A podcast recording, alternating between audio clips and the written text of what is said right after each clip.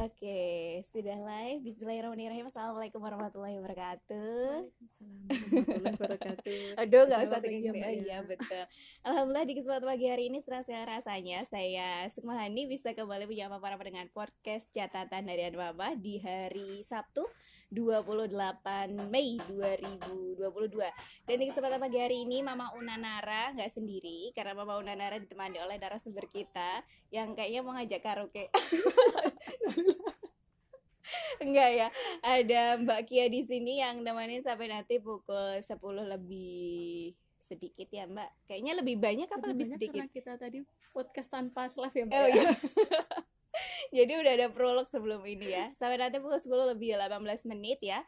Kita akan berbagi cerita tentang tema kita yang begitu menarik, berdamai dengan masa lalu. Tapi sebelumnya eh, Mama Unanara mau menyapa juga para pendengar yang setelah sekian lama nih Mbak Kia hampir dua bulan kayaknya Mama Unanara nggak live di podcast catatan harian Mama Alhamdulillah di kesempatan pagi hari ini bisa live lagi dan mudah-mudahan semua pendengar juga dalam keadaan yang sehat walafiat, bahagia Amin. sambil dengerin podcast catatan harian Mama tentu saja. Untuk awalnya, untuk awal sebagai awal mungkin kenalan dulu ya. Ini Mbak Kia ini adalah teman baru saya yang insya Allah akan sering mampir ke podcast ya, boleh Mbak Kia? Insya Allah. Insya Allah, oke. Teman Mungkin- baru tapi berasa lama Oh ya iya. Teman baru tapi ngerasanya akrab banget ya Iya. udahan. Oke, Mbak Kia mungkin bisa kenalan dulu, Mbak Kia aktivitasnya apa, kemudian tinggal di mana, kesibukannya saat ini apa. Dari mana nih Mbak? Dari tadi. oh, Oke, baik nama saya Rizky Nuragwi Ramadhani, biasa Mm. dipanggil Kia. Heeh. Saya ibu dua anak, kelihatan satu nggak- suami, Oh, satu suami nggak kelihatan kan ya kalau ibu dan anak ya, satu awet suami. muda. Amin. Eh. Sukses seperti ini ya Mbak ya. Tapi nggak mau nikah lagi ya. Tahu udah bilang. Iya, oke.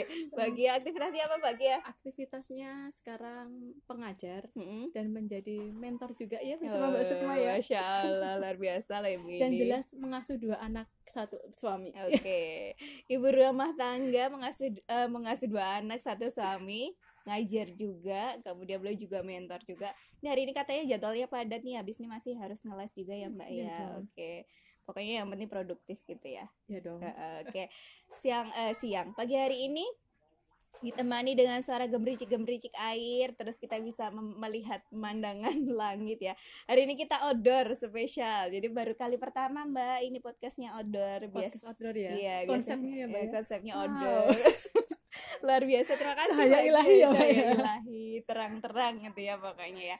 Oke Mbak Kia, sebenarnya tema kita tuh agak serius loh sebenarnya. Hmm. Tapi kenapa narasumbernya bikin ketawa? Karena masa lalu ya, Mbak ya. Oh ya, karena masalah Bikin lu- hahi aja. Oh, bikin hai aja. Oke, si, eh, siang hari ini eh pagi hari ini kok siang-siang terus sih pagi hari ini kita akan membahas tema tentang berdamai dengan masa lalu nih. Sebagai awal ngomongin soal masa lalu ya, setiap orang pasti punya yang namanya masa lalu.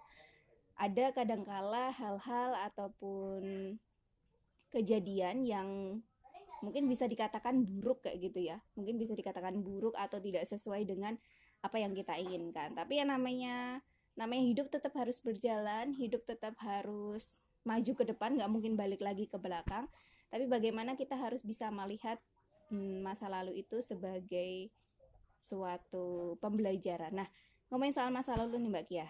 Menurut Mbak Kia sendiri, sebenarnya ketika kita punya pengalaman nih atau masa lalu yang kurang mengenakan atau kejadian yang bikin seseorang kadang kan bisa trauma ya Mbak, Ya. trauma, sakit hati, rasa apa ya ya benci ya mungkin oh kalau keinget atau kena trigger sedikit aja tentang hal tersebut tuh bikin Dek gitu ya, ya. bikin dek kayak gitu. Hmm.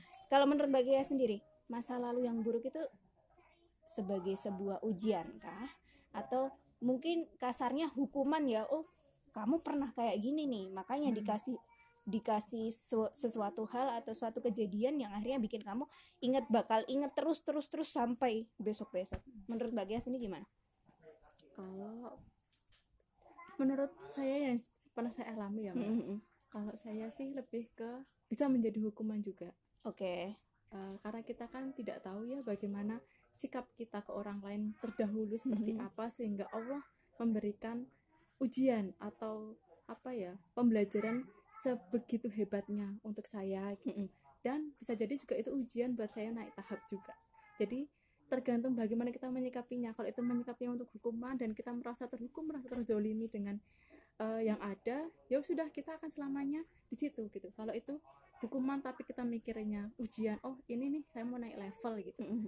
Mau naik level mau dinaikkan derajatnya oleh Allah ya sudah kita eh, menganggapnya juga ini untuk bahan introspeksi diri kita. Oh berarti memang eh, untung saja Allah ngasihnya sekarang nih enggak besok-besok gitu. Dan ketika kita nanti eh, mendapatkan yang lebih yang lebih buruk lagi kita sudah bisa insya Allah kita sudah ada Allah lah di situ Oke, gitu.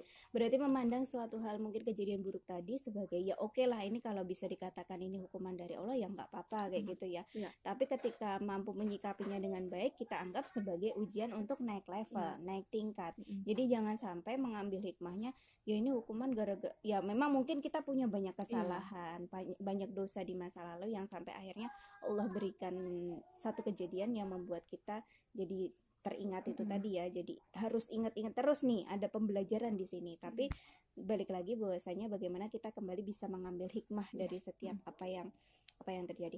Baik, nggak menutup kemungkinan. Mungkin sebagai mungkin banyak yang nggak tahu ya Mbak ya di luar sana kan ujian itu kan beragam ya. Iya. Mungkin dari masa lalu ada eh, dalam hal mungkin pernah merasakan yang namanya patah hati kalau Iya. orang ya patah hati atau kehilangan seseorang yang benar-benar kita sayangi, Mm. kehilangan seseorang yang benar-benar kita cintai atau justru tersakiti dengan orang-orang di sekitar Iya. kita juga orang-orang penting. Kalau Mbak Kia sendiri nih, titik terendah dalam hidup ketika menghadapi yang namanya masa lalu yang kurang mengenakan tadi Mm. apa Mbak? rentetannya sebenarnya banyak ya mbak Mm-mm. kalau titik terendah eh, itu ketika saya ditinggal oleh almarhum justru itu titik terendah Oh al- almarhum orang tua. Eh, eh, bapak Oh Bapak. itu oke. terendah nah setelah itu ternyata ketika saya menikah juga pernah divorce Mm-mm. setelah itu nah itu eh, ternyata itu tidak seberapa dibanding saya ditinggal seorang ayah Oke. seperti itu jadi itu ternyata titik terendah saya tuh dulu Dulu banget ya. Padahal saya mikirnya, oh saya tuh nggak bisa ngapa-ngapain setelah saya cerai gitu. Ternyata Mm-mm. enggak, malah justru pas ketika benar-benar kayak kita masih butuh seorang ayah, butuh pendampingan seorang Mm-mm, ayah, tiba-tiba sosok itu diambil oleh Allah gitu. mm-mm, Dan saya mikirnya juga di situ awalnya juga menyalahkan Sang Maha Pencipta juga. mm-mm. Anak SMA Oh kelas SMA 3, kelas berapa Mbak? kelas 3 waktu Mm-mm, itu se- setelah ujian sama PTN jadi almarhum itu seolah-olah menunggu saya selesai tes baru beliau diambil gitu. Oke. jadi hari Kamis Jumat. Nah itu eh, seolah-olah eh, almarhum itu sudah ngasih jalan. Gini gini gini gitu tahu-tahu dep. Ternyata saya harus terbang dengan satu sayap. Jadi ibu kan posisinya di situ. Nah di situ bener-bener sosok laki-laki yang gimana sih kalau kita cinta pertamanya seorang ayah ya mbak ya? Ditinggal. Ternyata lebih sakit ditinggal seorang ayah daripada ditinggal seorang suami Oke.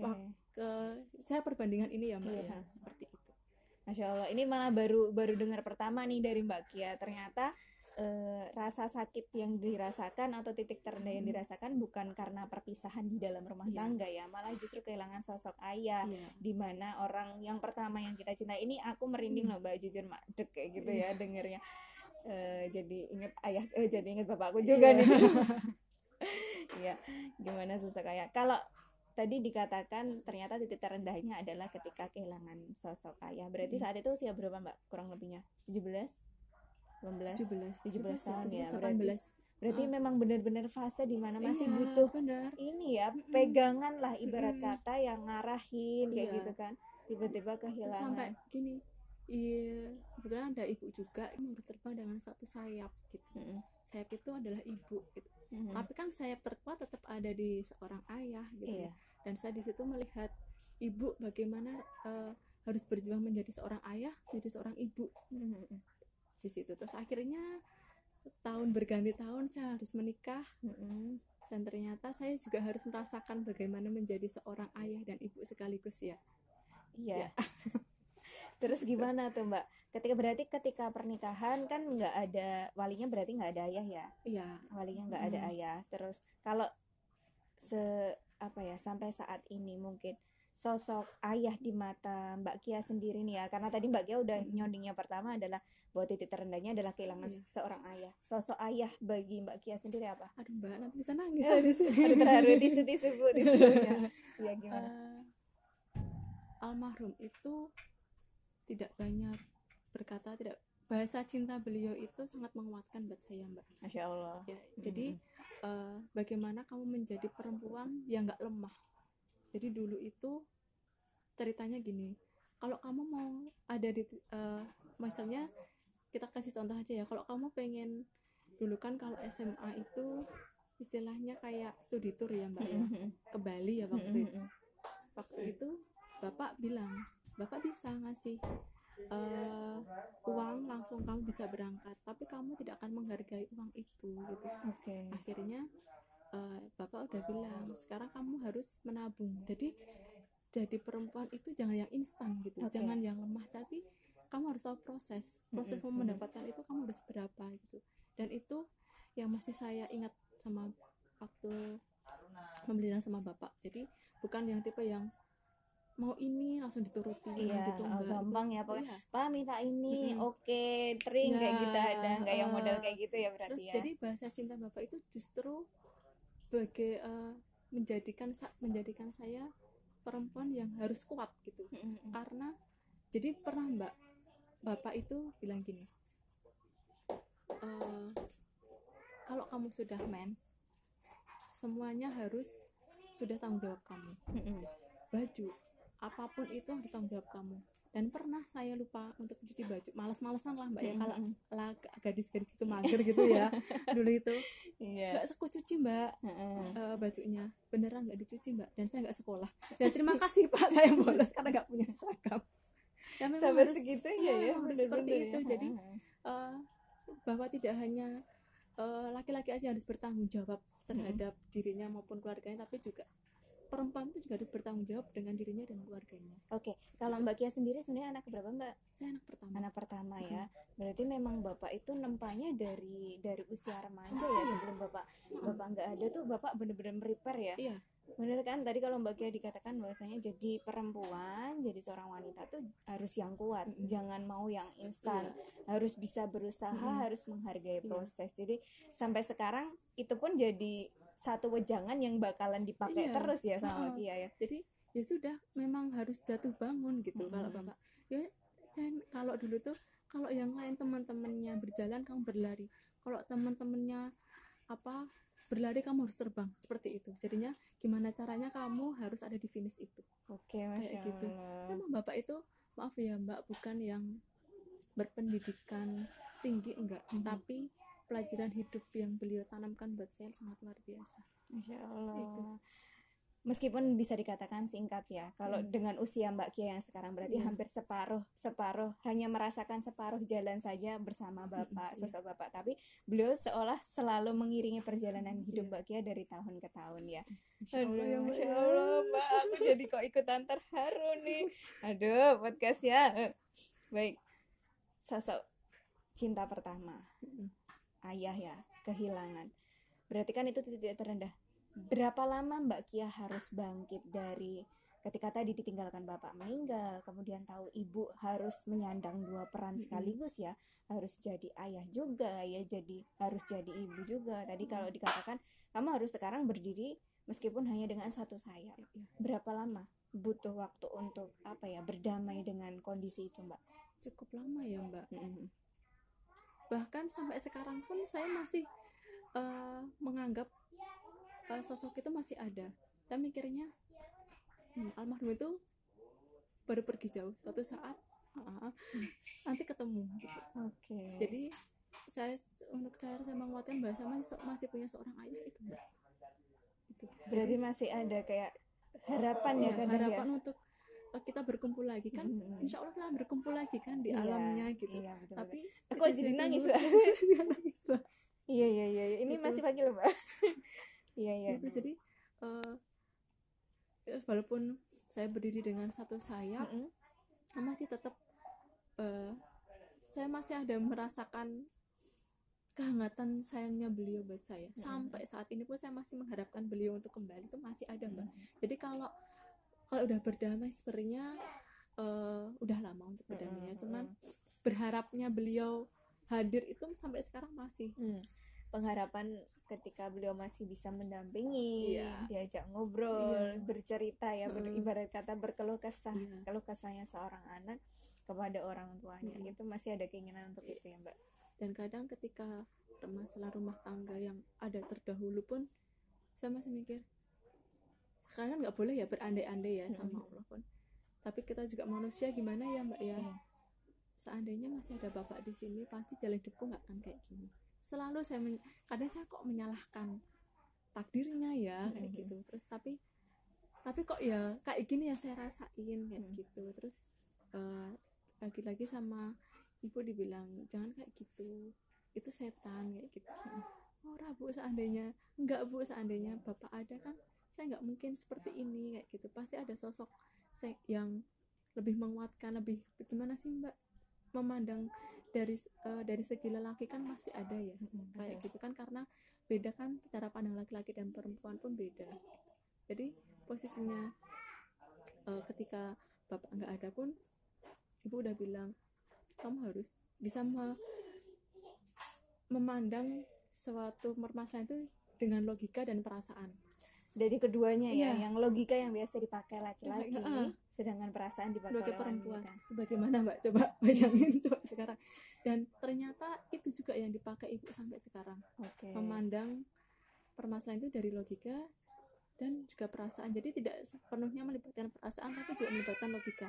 Padahal itu kan dua cara pandang Yang beda. berbeda. Iya, seperti benar. itu Masya Allah ternyata luar biasa ya Mbak Kia ya menghadapi yang namanya titik terendah. Kalau tadi mohon maaf nih Mbak Kia, tadi kan sempat ada apa namanya disebutkan juga sudah pernah berpisah dalam kehidupan rumah tangga. Mm. Kalau itu dikatakan mungkin titik terendahku yang paling berat tuh yang ini, yang Mm. kehilangan bapak. Tapi kan juga tidak bisa menutup ke- Mm. menutup menutup mata ya. Mm. Kalau ternyata ketika gagal dalam berumah tangga itu juga jadi satu apa ya satu kejadian atau masa lalu yang cukup berat juga Mm. yang dialami seorang wanita. Iya. Mana ada sih yang mau gagal Iya. dalam pernikahannya, mana ada sih yang mau berpisah dengan Mm. pasangannya, yang inginnya itu mulus-mulus Iya. aja, hidup seperti Heeh. apa ratu kalau bisa Iya, dikatakan. kayak selebgram gitu Iya. ya mbak ya jadikan ratu Iya, sama lelakinya gitu iya, ya kan itu berarti kan juga ada hal yang menohok yang mungkin nggak bisa cepat untuk hilangnya. Nah kalau Mbak Kia sendiri menghilangkan perasaan marahnya mungkin,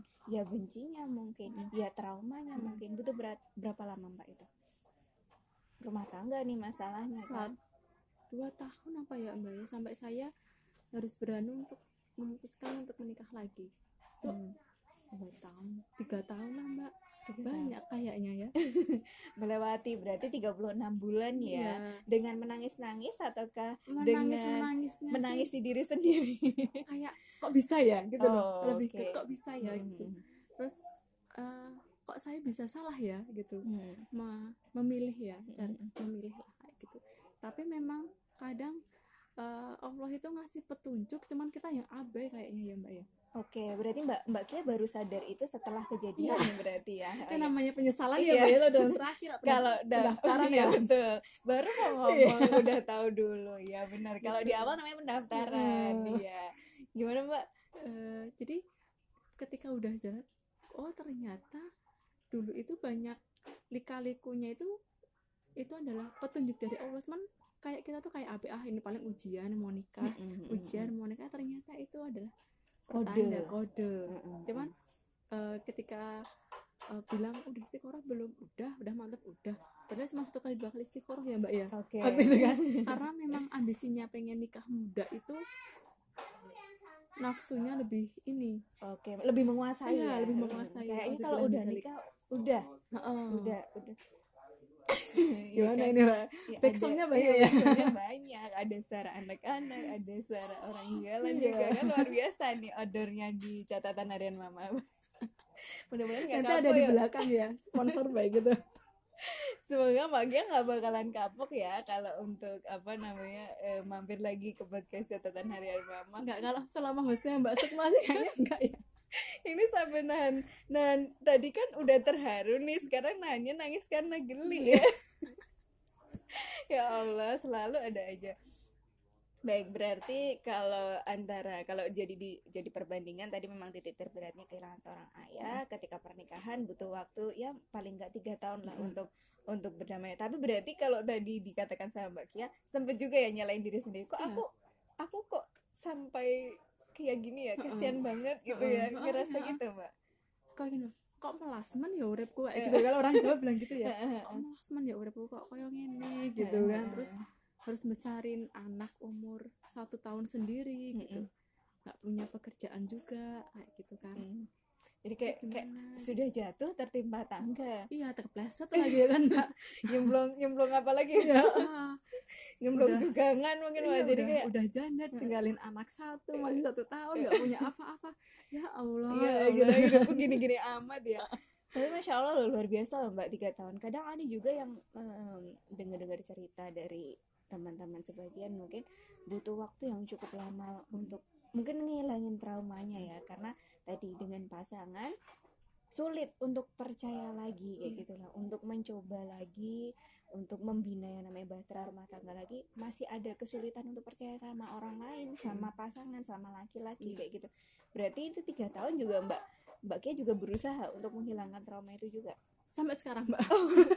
Jadi sama suami masih trauma apa? Enggak enggak Enggak, kalau enggak, trauma sih enggak cuman lebih ke takut kehilangan aja sih mbak takut nah, kehilangan takut kehilangan jadi eh, jadinya gini sebisa mungkin saya akan menjadi istri Mm-mm. dan ibu yang baik untuk anak-anak jadi justru lebih ke buat motivasi ya mbak Iya. seperti itu kayak gitu jadi karena terkadang takut kehilangannya tuh ya takut kehilangan momen juga Mm-mm. Ah, kalau yang sekarang sih lebih kalem ya. Kan tahu sendiri ya kalemnya kalem gimana Kalem, gitu ya. kan. Jadi kalau sama suami sekarang sudah berapa tahun pernikahannya? Usia pernikahannya? Eh, 2018 menikah berarti udah mau empat tahun ya mbak? Iya empat tahun. Kalau yang bukan baru setahun. Setahun Heeh. kemudian berpisah Iya. ya.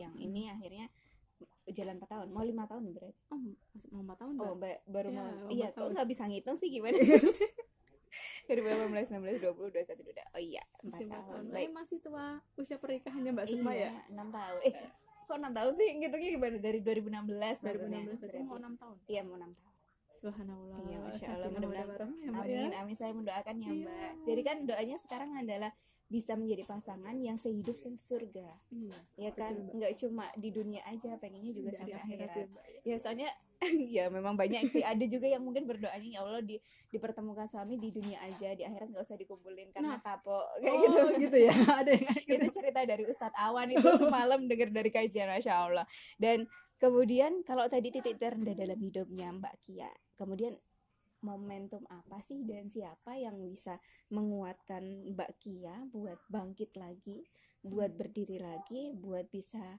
menatap masa depan kayak gitu hal apa yang Hmm. akhirnya jadi trigger kemudian siapa? Sosok siapa yang bisa menguatkan yang jelas anak ya mbak waktu itu. Anak dan ibu. Anak dan ibu. Anak dan ibu dan adik juga karena saya anak ibu dan adik dan paman dan anak ibu adik. Eh, iya. jadi yang pertama jelas anak.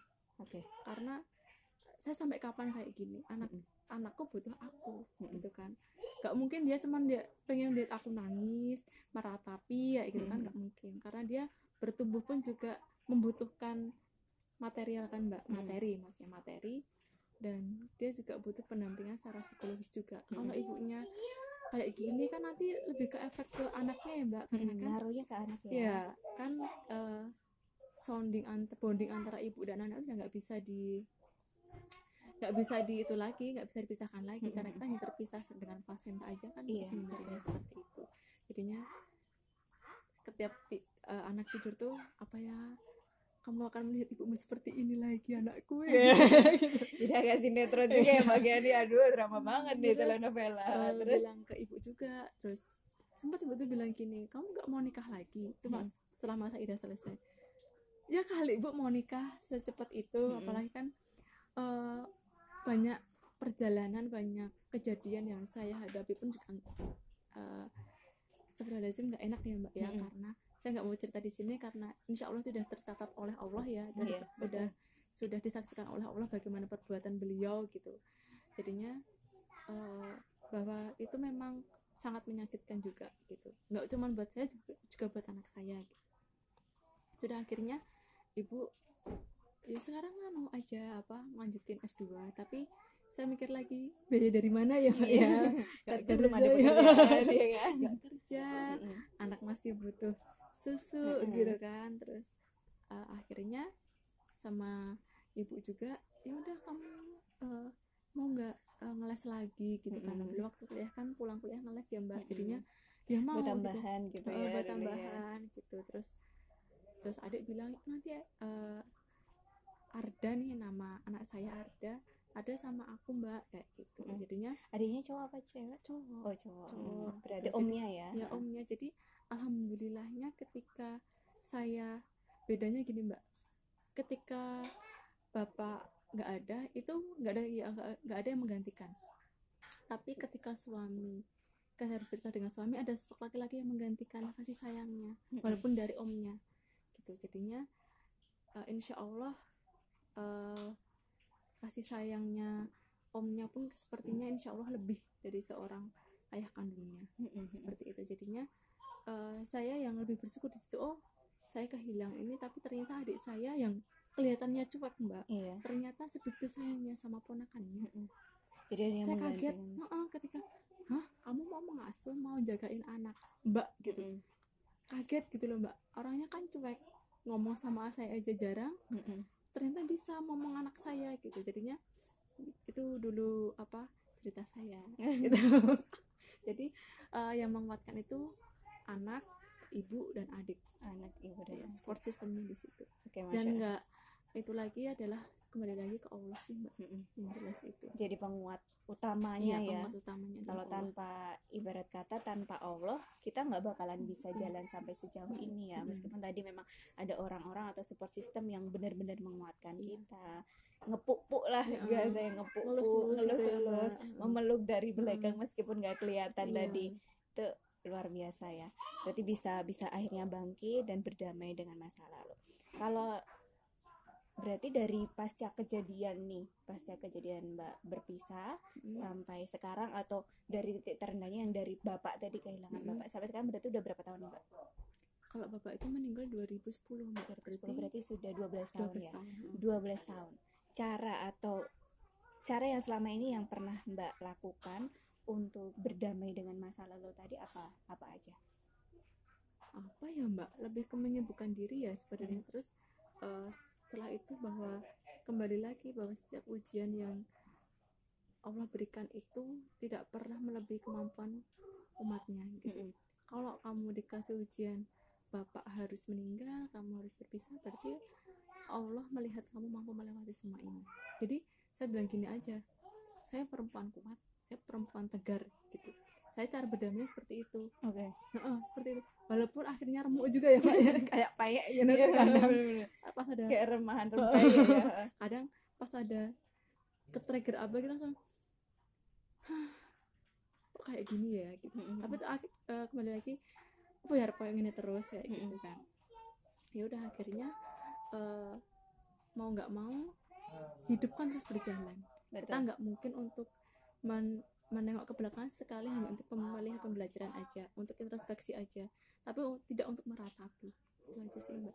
tidak untuk meratapi karena kan masih ada yang sering terjebak ya mbak sama apa namanya masa lalunya jadi kehidupannya ibarat kata ya emang tahunnya udah ganti nih tapi Mm. kehidupannya tetap monoton di situ-situ karena dia nggak mau berdamai nggak bisa nggak bisa keluar dari kondisi tersebut ya kita nggak nggak nggak boleh terus menjustifikasi oh ya karena kok kayak gitu aja nggak bisa move on lah ibaratnya ya karena mungkin persoalan dari masing-masing kan beda-beda Iya. ya tapi yang jelas tadi pembelajaran dari Mbak Kia bahwasannya eh, setiap kesulitan yang Allah berikan, ujian yang Allah berikan itu pasti sesuai takaran hambanya. Mm. Berarti dianggaplah Mbak Kia memang mampu untuk Iya. melewati ini semua. Heeh. Kehilangan sosok ayah bisa dilewati, kehilangan sosok pasangan bisa dilewati juga saat itu ya. Sampai akhirnya sekarang bertemu dengan suami, kemudian memiliki keluarga kecil yang bahagia insya, Insya Allah, Allah. bisa sampai ke depannya bahagia terus sakinah mawadah warahmah doanya kan amin, seperti amin. itu ya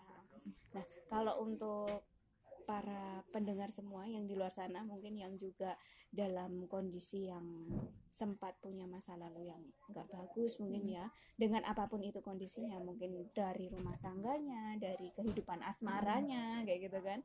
Dengan orang tuanya dengan pekerjaannya atau pernah merasakan hal-hal yang nggak enak di masa lalu ya tadi. Kembali lagi diingat bahwasanya eh, penguat terbesar kita adalah Allah Subhanahu Wa Taala. Tapi emang bener sih mbak Eh, ketika kita menceritakan apa pun sama Allah gitu dulu saya eh, saya sempat berpikir apa iya gitu ya Mm. waktu itu apa iya sih langsung dikabulkan apa iya emang tidak dikabulkan langsung gitu tapi ketika itu dikabulkan langsung tuh tap tap tap tap tap, tap, kayak oh kayak gini ya gitu Oke, Langsung sampai di- kayak gitu ya, Mbak ya. Saya merinding. Jadi saya ya Allah, saya cuma mintanya ini nih. Mm-mm. Ternyata Allah Nah, kayak gitu loh. Jadi kayak ngabulnya itu langsung eh, langsung seketika ini nih yang kamu mau gitu. Jadi kayak bener sih Mbak ya kayak yang di saat Ar-Rahman ya. Nikmat mana yang kamu dustakan Fabi itu bener- tukadiban. ya itu bener-bener saya rasain di situ dan bahkan ketika saya mintanya eh, nggak waktu itu pengennya sih punya pekerjaan dulu Mm. terus habis itu ternyata kayak pekerjaan tep habis itu ternyata dipertemukan oleh laki-laki yang mau menerima buy one get one ya mbak ya kan beli satu gratis satu ya Iya Ya benar kan? benar Mbak ya. Lucu banget nih bahasanya ya beli satu dapat satu Iya juga kan? ya kan. Eh, flash sale ya gitu. jadi dapat pekerjaan udah gitu terus ternyata nggak selang berapa lama dipertemukan sama lelaki yang mau menerima saya dan menerima anak saya tapi selain itu mertua yang baik juga mau menerima anak saya itu kan eh, jarang ya mbak mau Iya. menerima walaupun bukan darah daging anaknya sendiri. Mertua yang bagus. Terus ternyata kakak-kakaknya suami juga bagus semua. Itu kayak udah buat saya tuh itu lebih dari cukup gitu. Mm, mm, mm. itu terus dan terutama lagi ibu sangat eh, dulu kan kita nggak eh, kita nggak mau munafik lagi ya mbak ya. Nggak mengkiri juga bahwa ternyata ibu lebih sakit hati ketika seorang anaknya Disakiti. Oh Ya. iya. karena eh, Seleban bilang kalau wong Jawa ngomongnya biyen tak lus-lus wae ketemu gede kok malah dilarani nah kan Iya. gitu kan gitu ternyata rasa sakit yang saya rasakan tuh lebih sakit dirasakan ibu saya gitu loh jadi ketika eh, saya ketemu dengan suami yang sekarang tuh seolah-olah obatnya ibu tuh ada di suami saya Oke. jadi seperti itu jadi kayak eh saya bilang gitu saya mintanya tuh dulu loh ya Allah oh ternyata sekarang ya mengabulkan jadi nggak cuma dikabulkan sekali tuh nggak nih tap tap tap tap tap, gitu loh Oke. jadi kayak emang bener-bener hadiahnya kayak ini ya langsung jeploknya Oh, oh. banyak banget Oh, ya gitu ya Allah. Mbak ya. segini eh, sebegitu Cintanya. cintanya engkau Mm. dengan aku gitu jadi sampai mikirnya dulu sering mungkin menunda sholat ya mbak ya Mm-mm. kalau ya manusia kayak gimana sih gitu loh terus jadi sampai eh, ibu bilang jangan sampai Allah itu mencabut semua nikmat yang kamu peroleh gitu kan Oke. Terus, jadi eh, jangan terus urusan dunia bisa mengalahkan urusan akhirat gitu jangan sampai Allah me, kayak istilahnya gini mbak tidak memberi kesempatan kamu untuk beribadah jadi kamu bisa disibukkan dengan dunia Oke. jangan sampai Dibuat seperti itu. lalai ya. Dibuat lalai. Dibuat lalai dengan dengan kesibukan, Heeh. rutinitas di dunia sampai Iya. akhirnya ibadahnya keteteran, Mm-mm. lupa sama Allah. Iya, walaupun eh, jangan jadi bu semoga ini bukan istirot ya mbak Iya, istilahnya istidraj. istirot Heeh. gitu kan Eh, semoga ini bukan seperti itu gitu buat kamu gitu. jadi kamu tetap bahwa ini hadiah dari Allah buat kamu yang terdahulu seperti apa gitu Mm-mm. Itu mbak pesannya dari ibu seperti itu jadi kadang ketika Mungkin besok ibu dipanggil ya buat ngisi podcast. Pesannya beliau banyak, masya Iya, Allah luar biasa dan itu benar-benar jadi ketika orang lain mendengar pun juga jadi oh iya juga ya bener ya jadi pembelajaran nggak jadi cuma eh, dan luar anaknya. biasanya sosok ibu buat saya itu gini mbak eh, beliau itu kalau terjadi apa-apa musibah atau sedikit kecelakaan sedikit gitu Mm-mm. langsung dia berpikir oh dia langsung pikirannya ke akhirat gitu loh mbak Mm-mm. Eh, contohnya gini eh, beliau jatuh dari motor Mm-mm. gitu kan nggak nggak parah sih cuman langsung bilang apa aku karena aku nganu ya nggak mampir eh, waktu adzan nggak mampir sholat ke masjid ya gitu malah saya Hmm. langsung bablas Mm-mm, eh, mm-mm. langsung meneruskan perjalanan gitu Iya. jadi pikirannya beliau itu langsung ke akhirat gitu Iya. langsung ke Allah gitu loh yang saya masih harus belajar dari beliau tuh di situ. Kalau anu kalau orang mikir kan kok nganu kok iso tiba? Wah kayak kepleset lah apalah Iya, gini kan masih lebih ke dunianya ya lebih Iya, ke teknisnya, teknisnya. ya Heeh, tapi kalau ibu itu lebih ke situ jadi orientasinya akhirat ya heeh, pokoknya. beneran mbak. Jadi kalau sakit gitu ya dikon lebih lebih mau mendekatkan diri sama Allah kayak gitu. Mm-mm. jadi ya alhamdulillah sih punya ibu yang berpegangan kuat sama agama itu memang sayap saya cuma satu tapi pegangan dia beliau tentang agama itu sangat kuat jadi kokoh ya Iya. meskipun cuma satu pun tetap masih kokoh Mm-mm. karena dengan apa yang tadi ya ilmu yang ibu ilmu spiritual ya Iya. kita katakan seperti Mm-mm. itu karena memiliki ilmu agama yang mumpuni Iya. yang akhirnya bisa nggak cuma menguatkan beliau sendiri Mm-mm. ketika dalam kondisi yang mungkin tidak baik Iya. dalam dalam masa ujian misal tapi juga bisa menguatkan Mm-mm. orang di sekitarnya terutama uh, anak-anaknya Iya. kayak gitu bahkan sampai sekarang pun ketika kesibukan saya masih gini dan kesibukan beliau walaupun sudah purna tapi oh beliau dulu pengajar juga oh iya dulu pengajar juga dan udah purna dan alhamdulillah mbak eh, beliau setelah purna malah justru pengajian ke sana ke sini ke sana. Oke. jadi lebih menambah ilmu keagamaannya beliau juga gitu. Terus waktu ngeles gitu misalnya jangan lupa sholatnya jangan lupa zikrullahnya seperti itu. Terus jangan lupa zikir pagi petangnya Iya. seperti itu. Masih seperti itu. Terus eh, jangan lupa eh, kalau istilahnya apa ya menirakatkan anaknya juga jadi kayak sounding pakai ayat-ayat Allah gitu mm-mm. selalu ibu mengingatkannya seperti itu Berarti meskipun tadi ya jauh, eh jauh kan ya jauh di mata dekat di Iya. hati, dekat di doa, Dekat di gitu doa. kan, dekat di doa. Pesan-pesan dari sang ibunda, ibunda mendengarkan hari ini. Pesan-pesan dari eh, ibunya Mbak Kia ini juga benar-benar menjadi motivasi dan juga sekaligus penguat ya dalam menjalani berbagai ujian, berbagai cobaan, rintangan, perjalanan hidup yang mungkin ya yang namanya pernah merasakan asam garamnya kehidupan mesti jauh lebih punya ilmu yang banyak yang juga dikua- eh, menguatkan untuk anak-anaknya kayak gitu. Oke, baik. Itu tadi tentang bagaimana caranya Mbak Kia bisa berdamai dengan masa lalunya. Setiap orang, lagi-lagi setiap orang pasti punya masa lalu. Masa lalu yang buruk banget bahkan kalau kalau saya pribadi sih masa lalu buruk saya itu kadang ini Mbak sempat kalau ke trigger tuh ingat jadi kita kayak balik lagi flashback flashback bener-bener bener-bener flashback. Jadi mungkin pada saat itu traumanya usia berapa bener-bener kayak dihadapkan oh saya saat itu loh saat saat usia itu. Jadi masih ya terkadang kalau ada saya pun sampai saat ini masih berusaha untuk berdamai dengan itu. Seperti ingin harusnya kadang kala ada perasaan ingin kenapa sih aku yang dipilih untuk merasakan seberat Iya. itu di Iya. usiaku Heeh. saat itu nah saya malah usianya saat itu masih kecil banget kenapa harus harus harus di diposisikan seperti itu sampai pada pada saat ini sampai hari ini ketika saya ingat Hmm. saya tuh jadi terluka lagi kayak gitu loh itu yang karena berusaha memang berdamai itu kayak susah-susah gampang susah ya susah mbak gampang ya Hmm. beneran mbak Kia jadi kalau keinget itu ya apa ya balik lagi kayak yang menyalahkan. Iya Hmm. kemudian rasanya pengen mau memaafkan tapi juga susah. Mm-mm. tapi memang hidup harus terus berjalan. Jadi memang butuh proses ya Iya. mbak Kia bener nggak? Bener banget. Apalagi kan kadang pernah saya ngobrol sama ibu bu Mm-mm. gimana ya caranya aku iso nompo gitu bisa menerima Iya, gitu, betul, gitu menerima. kan, menerima. Ibu bilang gini ikhlas dulu. Nah. Ikhlas apa lagi kan lebih susah lagi mbak ikhlas itu. Kita mau kita mau ikhlas tapi terkadang masih ingat gitu ya. Ini namanya manusia kadang memaafkan tapi untuk melupakan masih gak bisa ya mbak ya. Terkadang seperti itu. Bukan dendam sih cuman buat melupakan itu tuh kayak susah gitu. Jadi gitu. Jadi kalau dendam itu kan ada niat untuk membalas gitu ya. Kalau itu tuh melupakannya itu loh yang agak susah gitu. Dan ibu bilang udah kalau mau nerima mau berdamai yo ikhlas dulu aja. Nah ikhlasnya itu yang susah.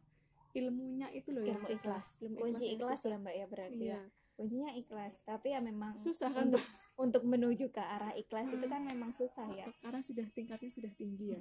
Kalau saya tuh dulu mungkin sedikit cerita nih ya Hmm. mbak. Dengan teman-teman yang memang banyak teman-teman saya yang dulu waktu semasa saya masih SD SMP SMA Hmm. mungkin banyak yang korban bullying. Saya Hmm. bukan yang dibully Mm. tapi saya berada di sekitar orang-orang yang dibully. Ketika Hmm. mau membela berarti kan dampaknya kadang iya. kena di kitanya juga. Nah itu kadang yang sampai saat ini banyak juga teman-teman yang dulu jadi korban bullying belum bisa memaafkan orang-orang yang Hmm. pernah melakukan itu Iya. ya namanya juga proses Iya. kita ngasih ngasih pengertian ke si de- dulu pelakunya ya Hmm. mungkin ya dulu pelakunya kenapa sih harus marah sampai sekarang kan Hmm. itu dulu waktu masih kecil kan kita nggak tahu Ya. dampaknya impactnya Bekasnya itu ya, bekasnya itu loh yang yang apa namanya ya harus mau nggak mau ya dimaklumi ya Mm. gimana mungkin saat itu dia sangat benar-benar terluka sampai Iya. akhirnya nggak bisa memaafkan atau sulit memaafkan percaya lagi sama orang-orang yang dulu pernah membuat jahat atau Mm. berbuat jahat kepada Iya. dia kan kita juga nggak bisa nyalahin ya mbak itu sih jadi iya memang jadi eh, saya dulu juga pernah kok mbak waktu SMP juga kena bully. Dan Hmm. sampai sekarang eh, kalau untuk menjadi satu trofi kalau saya hello sih masih iya. Tapi kalau untuk mengingatkan lagi kayaknya sakit juga mbak kalau menjadi korban bully juga. Padahal Hmm. kalau dulu waktu SMP itu masalahnya masalah sepele ya apa? Nggak karena apa mbak kalau itu oh iya kalau dulu tuh karena apa ya? Karena karena lebih pintar kadang gitu Nggak, sih ya kayak kan? gitu. Terus kadang ada banyak menarik perhatian cowok kayak gitu kan. Anak-anak anak-anak ya. dulu kayak gitu gitu. Jadi kena bully juga Mm. kayak gitu. Jadi kalau populer biasanya kena bully kadang. Oh gitu. Iya.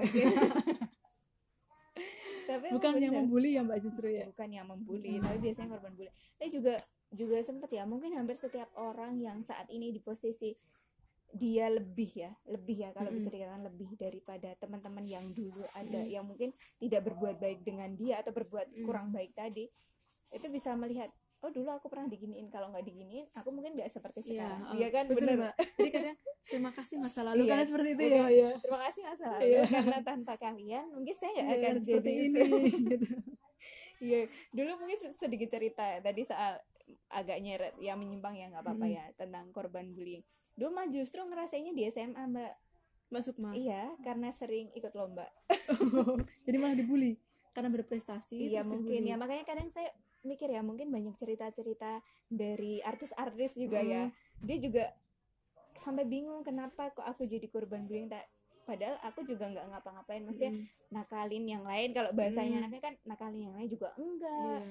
eh, ngece atau mengejek juga enggak Iya. ternyata karena apa karena dia berprestasi berarti benar ya mbak kata pepatah semakin tinggi suatu pohon itu anginnya semakin betul sempat ngerasain kayak gitu jadi kayak kok nggak punya temen ya karena Mm. sering apa karena sering keluar kelas tadi Mm. ikut lomba lah ikut inilah ikut itulah jadi ngerasain tapi juga sedih loh Mm. cuma alhamdulillah pelipornya kan banyak banyak Iya. kesibukan jadi sampai Mm. akhirnya lupa tapi kalau dikatakan wes lali pokoknya jadi ya enggak Enggak. enggak bisa lupa.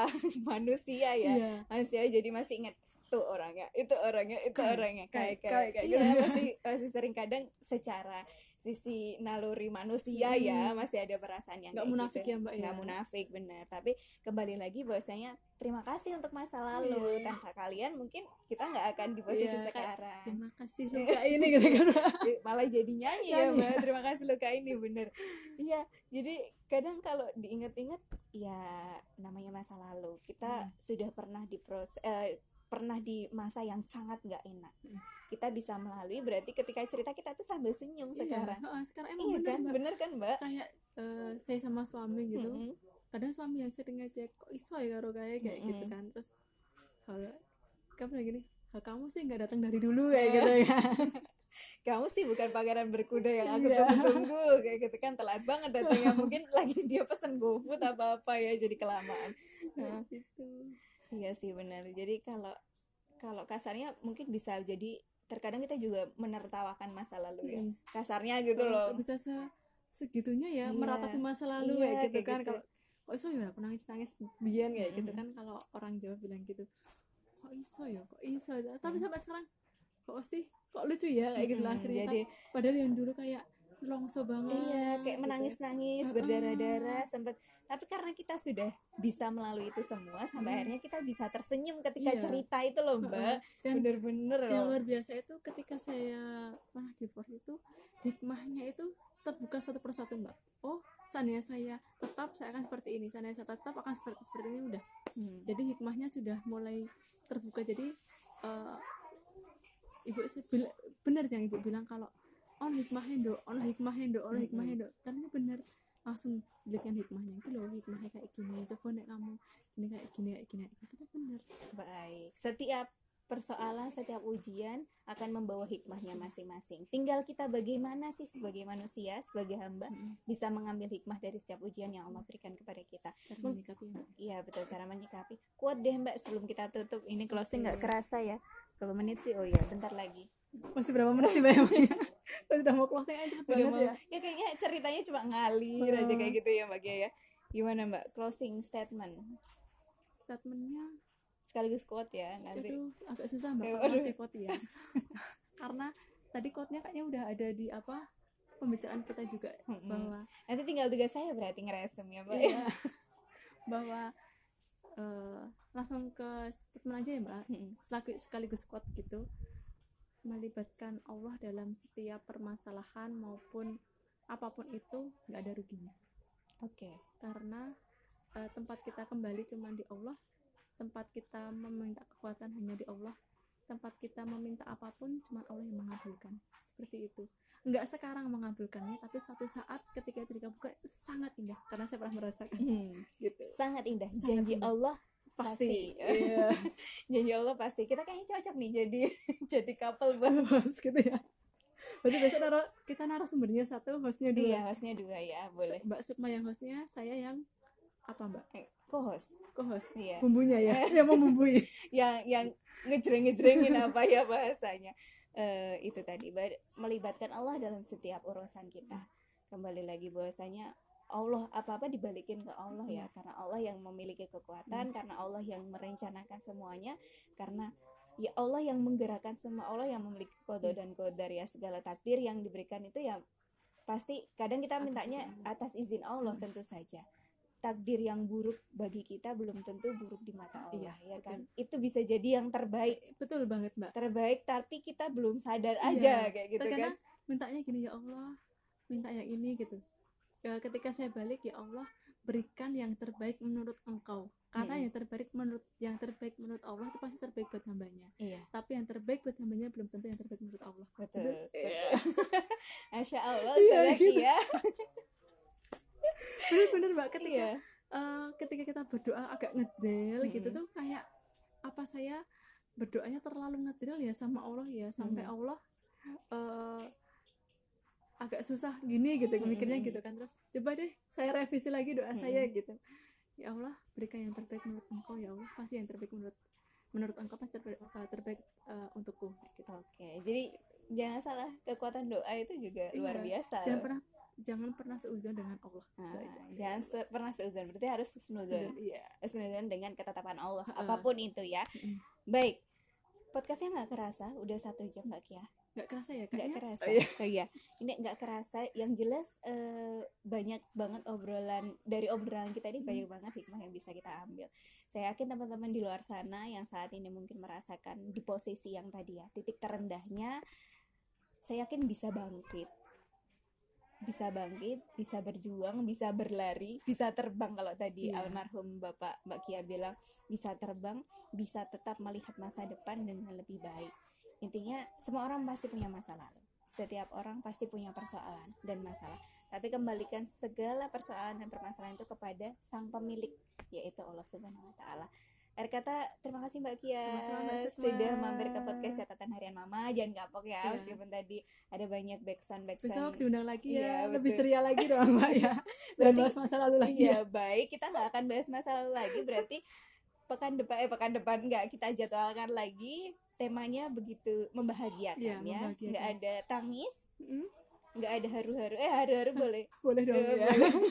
tapi nggak ada yang masa lalu masa lalu kayak gitu ya. Oke terima kasih lagi ya mudah-mudahan sehat selalu. Amin amin amin. Salam buat keluarga. Eh, keluarganya ikut ya Iya, satu ikut. paket. Eh, kita memang satu paket ya mbak ya? Iya jadi sport hore support system ya Iya, baik.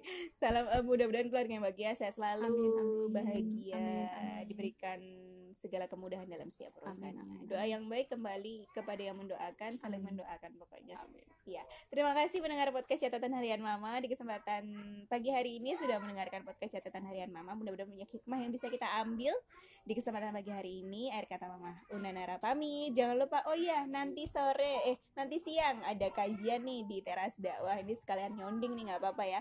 Nanti siang untuk para pendengar yang mau langsung mampir bisa langsung ke teras dakwah aja dari jam 1 sampai jam 15 untuk yang kajian muslimahnya.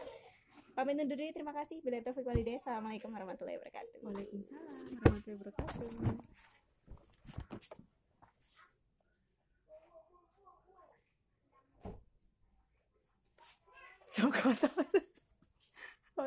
ya Nanti terus disimpan di itu mbak di IG gitu Mm-mm.